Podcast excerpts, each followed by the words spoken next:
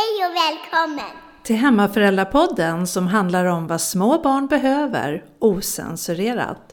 Idag ska vi prata om anknytning och varför den forskningen är viktig och bör ligga till grund för hur vi låter våra barn växa upp under sina första år.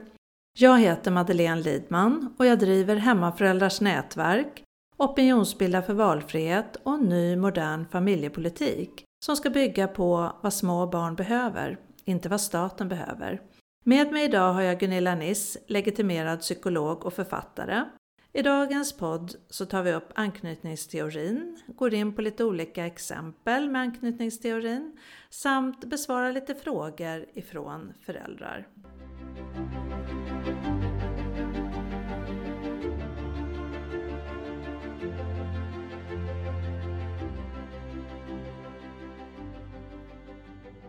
Hej Gunilla och välkommen till Hemmaföräldrapodden.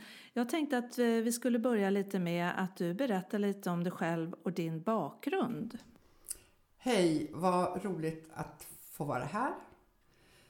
Jag arbetar med barn som psykolog, barnpsykolog, och har gjort det hela mitt liv. Och eh, mitt fokus är då naturligtvis vad barn behöver och hur får de det de behöver. Var får de det de behöver? Och idag ska ju vi prata då om det som är mitt största intresse. Om början, kan man kalla det för, av livet, anknytningen och hur det utvecklas och vad vuxna betyder. Det du säger är ju faktiskt motsatsen till vad Agnes Wold, professor i bakteriologi, eh, gick ut för några år sedan där hon gick till hårt angrepp mot anknytningsteorin och hävdade citat det vore hemskt fint om kvinnor inte blev ilurade, löjliga och felaktiga psykologiska teorier som anknytningsteorin. Den är helt obevisad, ett extremt skakigt bygge enbart till för att knäcka morsor. Han som hittade på det, Bowlby, var kvinnohatare och var ute efter att köra tillbaka kvinnorna till hemmet för att de hade konkurrerat i industrin. Ja, Agnes Wold är en skicklig bakteriolog, men hon är ingen barnpsykolog. Och med ett sådant uttalande så har de verkligen missat, skulle jag vilja säga, chansen att överleva för små barn.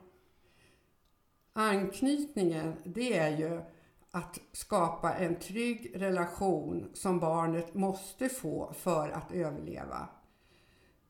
Det är lika viktigt som att få mat, som att ha varmt omkring sig. Barn kan dö av svält. De kan frysa ihjäl. Och faktiskt dör de också om man inte har någon att knyta an till. Det vet vi. Det du berättar är ju faktiskt att anknytningen är jätteviktig så då blir det lite konstigt när någon går ut och totalt avfärdar den som ett hittepå. Ja, anknytningen är livsviktig. Ingen skulle tvivla på att det är nödvändigt för ett barn att få mat.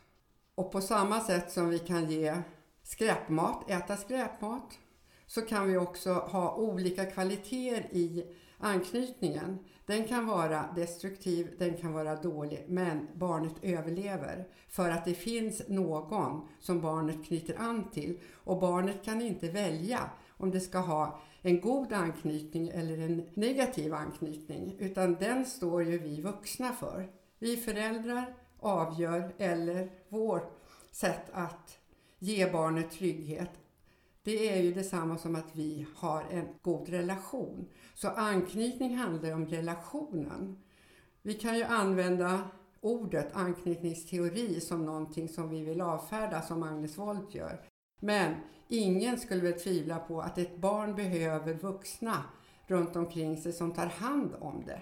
Som tycker om det, som ser det, som bekräftar det. Och den det behovet är stort hos barnet och det behovet måste det få tillgodosett. Precis som barnet behöver få sova, äta, ha varmt omkring sig. Så ska du ha varma människor som finns och ser det och älskar det. Det här uttalandet som Agnes Wold gjorde det bemötte jag i en debattartikel i Expressen men tyvärr så valde hon att aldrig svara. Och det här är ju ett problem när människor med makt sprider felaktiga uttalanden som gärna sätter sig hos vanligt folk. Själv tänker jag som så att makt är kunskap, även när fakta inte stämmer överens med den ideologi man har så är det ju alltid bättre för föräldrar med kunskap. Med god kunskap om anknytning så kan ju föräldrar få stöd och hjälp och bygga en trygg anknytning samtidigt som den kan ligga till grund för att öka förståelsen för hur ett överlämnande av ett barn till barnomsorgen ska ske på bästa sätt. Just starten i förskolan har jag arbetat mycket med och då handlar det ju om att överlämna det bästa man har, sitt barn, till någon som man har förhoppningsvis förtroende för, tilltro till. Barn kan ju ha varit hos sina släktingar, hos sina grannar som man känner väl och som ofta har träffat barnet, kanske träffar barnet hela livet av och till. Nu ska jag lämna mitt barn till en förskola där jag aldrig har varit, varken som förälder eller som barn. Och då krävs det att det uppstår en anknytning också där till någon av dem som ska arbeta med barnet. Och det tar tid för ett litet barn. De flesta barn som börjar förskolan idag är under tre år. Ett och tvååringar. Ettåringar är inte alls ovanligt. Och då har barnet varit hemma med sina föräldrar i 365 dagar. Inte särskilt lång tid. Och nu ska det börja ett helt nytt liv tillsammans med andra människor som barnet måste få tid att lära känna. Och det är det jag har skrivit. Bland annat en bok om invändning i förskolan, att börja förskolan. Och det här är ju ett typexempel på hur viktigt det är att inte avfärda eh, forskning om anknytning för just vid överlämnande idag när man har tre dagars inskolning blir allt vanligare och det kanske är någonting som inte fungerar för alla barn. Då är det jätteviktigt att ha kunskap om att eh, anknytning även när barnet ska lämnas i barnomsorg. Och hur ser du på det Gunilla? Korta inskolningar ser jag som en risk. Barn behöver lång tid för att lära känna en ny människa och bli trygg med den. För det räcker ju inte med att man bara har träffats och sett. Den vuxna kan ju tycka att nu klarar jag av det här, men hur klarar barnet av det? För samtidigt som jag som förälder går så blir det en separation från barnet. Och hur det kommer att gå för barnet har ju med många saker att göra. Bland annat så finns, barn är ju väldigt olika. En del är robusta, de tycker det är spännande med nya människor. De går gärna till någon som är trevlig och som föräldern tycker också verkar vara ett bra person. Det finns barn som behöver lång tid. Inte för att det är något barn som inte klarar det, utan ett barn som behöver det. Och där måste vi vara lyhörda från båda håll, både från föräldrahåll för du känner ditt barn som förälder och du vet också vad ditt barn har varit med om. Och den som ska ta över och vara med barnet på förskolan behöver bli informerad. Jag tänkte också att anknytning är någonting som inte alltid känns som att det är så välkänt att människor riktigt vet vad det är för någonting. Så jag funderar på om du skulle kunna berätta lite kort om vad anknytning faktiskt är. Anknytningen är ett biologiskt behov, säger vi psykologer. Det är ett psykiskt band som finns mellan föräldern och barnet. Du har fött barnet, navelsträngen är avklippt, omedelbart så sätter det här andra bandet igång. Du tittar på barnet, barnet ser på dig väldigt tidigt, har barnet förmåga att fixera blicken. Och där kan man säga att där startar anknytningen. Men egentligen har den börjat även under graviditeten. Som förälder har jag ett biologiskt omsorgsförmåga, en förmåga att ta hand om barnet samtidigt som barnet har ett behov av att bli omhändertaget. Så anknytning är inget konstigare än att vi tar hand om vårt barn och tycker om barnet. Barnet behöver bli älskat, barnet har ett sådant behov, barnet behöver bli buret, nära, sedd och omtyckt. Jag tänker lite på när barnet är adopterat. Hur blir det för det barnet då med anknytningen? Adoptivföräldrar har haft lång tid på sig att förbereda sig inför mötet med sitt barn. Och det här mötet, det är starten på anknytningen. Och sen utvecklas anknytningen genom tiden. Barnet behöver tid naturligtvis att knyta an, att lära känna. Men det som är anknytning, det är ju skapa en känslomässig relation. Och det gör ju alla föräldrar. Och adoptivföräldrar har länge längtat och det är det som är det viktiga. Få tiden med barnet, det kan ta lång tid beroende på vilket liv barnet har haft tills man möts. Och det kan gå snabbt därför att barnet och adoptivföräldrarna hittar varandra väldigt fort. Men det vanliga är att det måste få ta sin tid. Och även om det tar lång tid så är det någonting som barnet klarar av att ta emot och som man inte ska ge upp. Jag tänkte för enkelhetens skull om du kanske kunde beskriva en situation när eh, anknytningssystemet eh, fungerar? Ja, en vardaglig situation som de flesta föräldrar känner igen sig i eh, handlar om anknytning utan att man kanske ens tänker ett sådant begrepp. Moa sitter i köket och leker på golvet Mamma håller på med matlagningen. Det ringer, mamma lämnar köket och tar telefonen i ett annat rum. Då börjar Moa gråta, hon blir arg eller rädd. Mamma hör henne, mamma går tillbaka, visar sig i dörröppningen och nickar till Moa och Moa lugnar sig och fortsätter att leka. Det är ett exempel på anknytningssystem som har fungerat. Moa behöver stöd och hjälp när hon blir orolig. Mamma behöver komma och visa sig och visa att jag hör dig, jag ser dig, jag finns här. Och då blir Moa lugn. Det är ungefär som, skulle man kunna jämföra med, ett larmsystem som slår på. Moa gråter, skriker, larmet går, mamma hör larmet, mamma visar sig och larmet slocknar och Moa blir lugn. Jag tänker lite på det att trygghetscirkeln är någonting som ofta dyker upp när det gäller anknytning. Och jag har hört lite olika tolkningar eh, hur, av vad trygghetscirkeln är. Så jag tänkte att du kanske skulle kunna berätta lite om vad trygghetscirkeln faktiskt är. Ja, jag använder också trygghetscirkeln ofta när jag pratar om anknytningen. Och det är precis som exemplet här med Moa. Att cirkeln har en nedre del där man kan säga visar när barnet behöver tröst. Barnet blir oroligt, känner sig otrygg, ropar eller gråter och söker sig till eller söker efter anknytningspersonen. Föräldern eller någon annan som just då har hand om barnet.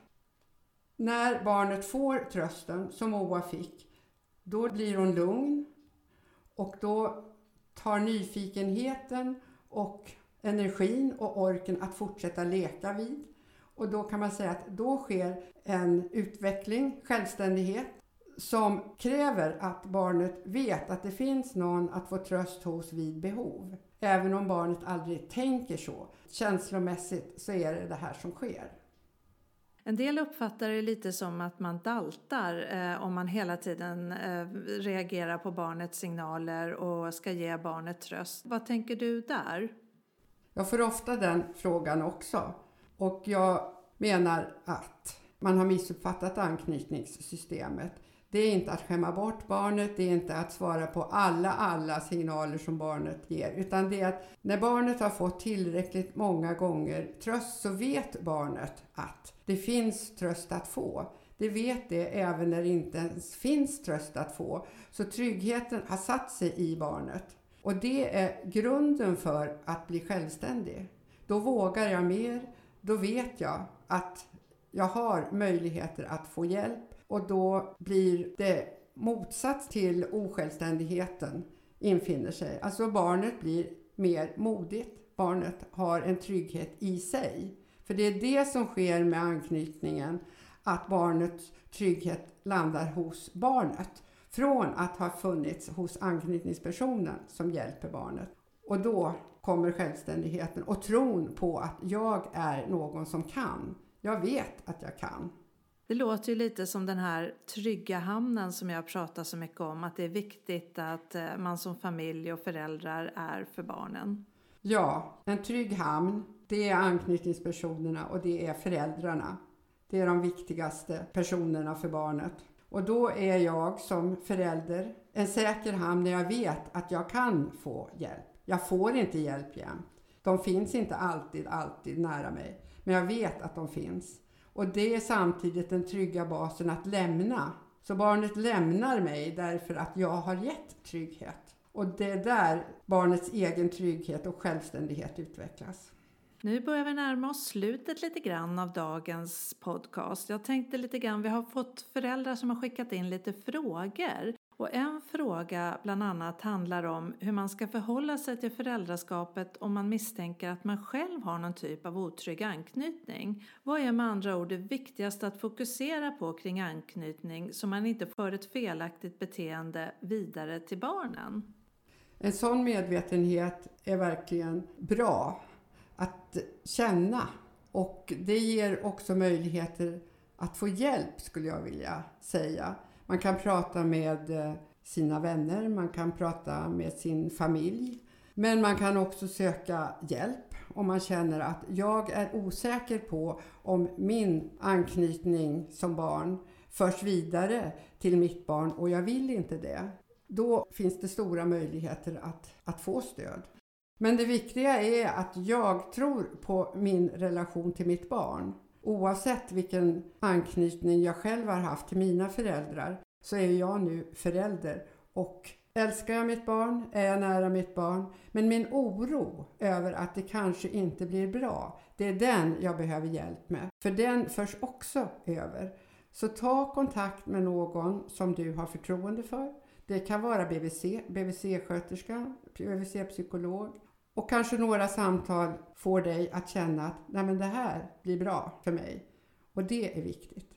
Sen har vi en liten fråga till här från en mamma som säger Jag har en liten nyfödd och undrar hur det blir med anknytningen till den andra föräldern när jag ammar och bebisen är med mig hela tiden. Ska man jobba på att den andra föräldern får tid med barnet mellan amningarna för att stärka anknytningen?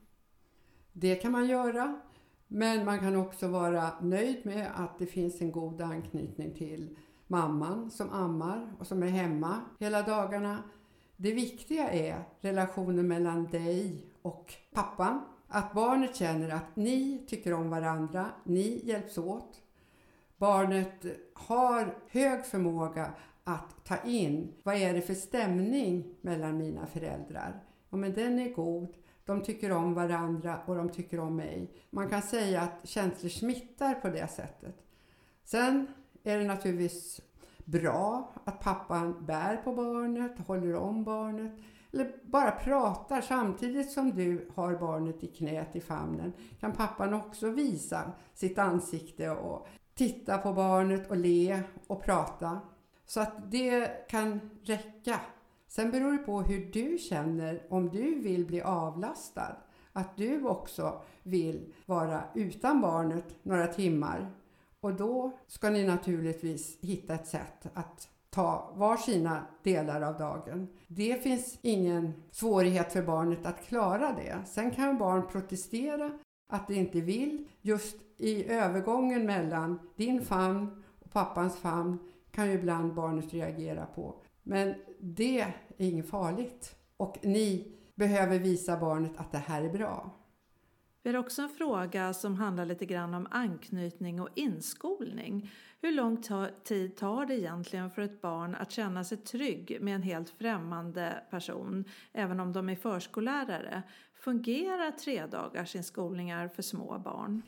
Det går inte att svara ett ja eller nej på den frågan beroende på vilka erfarenheter barnet har. Om det är ett barn som har syskon som går i förskolan, barnet har hela sitt liv följt med fram och tillbaka med föräldern till förskolan, lämnat sitt syskon, hämtat sitt syskon och vid ett års ålder så har ju barnet också skapat en relation till den här förskolan och säkert då till några utav sitt syskons pedagoger. Så där finns ju en lång introduktion till att här vill jag också vara. Men är det ett barn som aldrig har varit på den här förskolan, aldrig har mött de personer som nu ska ta över under dagen och vara tillsammans med barnet, så måste det få ta tid. Är det en ettåring så måste det ta längre tid. Även om ett barn som är ett år också har varit van att vara med andra, kanske far och morföräldrar eller äldre syskon eller andra vänner till familjen. Men varje relation är unik. Så barnet måste få en möjlighet att skapa en relation och en trygghet med någon av pedagogerna på förskolan. För sen ska ju barnet lämnas över. När föräldern går så blir det en separation som inte är lätt för barnet. Men finns det en trygghet hos någon annan bland pedagogerna, då kommer barnet att snabbt kunna bli lugnat, tröstat, när föräldern har gått. Sen har vi det här lite med att få syskon. Hur påverkas anknytningen av att barnet får ett syskon? Finns en god relation mellan föräldrar och barn innan syskonet kommer så kan man säga att det är på gott och på ont. Det goda är naturligtvis att det redan är etablerad relation. Det andra för barnet är ju att det blir faktiskt en till som ska ta del utav era tid. Och att barn blir avundsjuka, det är naturligt. Och då gäller det att man tröstar barnet och säger ja, jag vet att du hellre vill leka med mig än att jag ska sitta här och amma lillebror. Men nu är det så. Du kan få sitta här bredvid. Och på det sättet kan man prata om och bekräfta barnets känsla att det är inte så lätt att bli två. Och inte vara alltför överväldigande över vilken lycka det är att ha fått en lillebror. Det är det också för de flesta barn, men det är också svårt att dela sina föräldrar som man faktiskt har haft hela livet för sig själv. Och det första barnet är ju det enda barnet som bara har varit ett barn med sina två föräldrar. Barn två och barn tre har ju redan från födseln haft en sån relation att dela sina föräldrar med andra barn.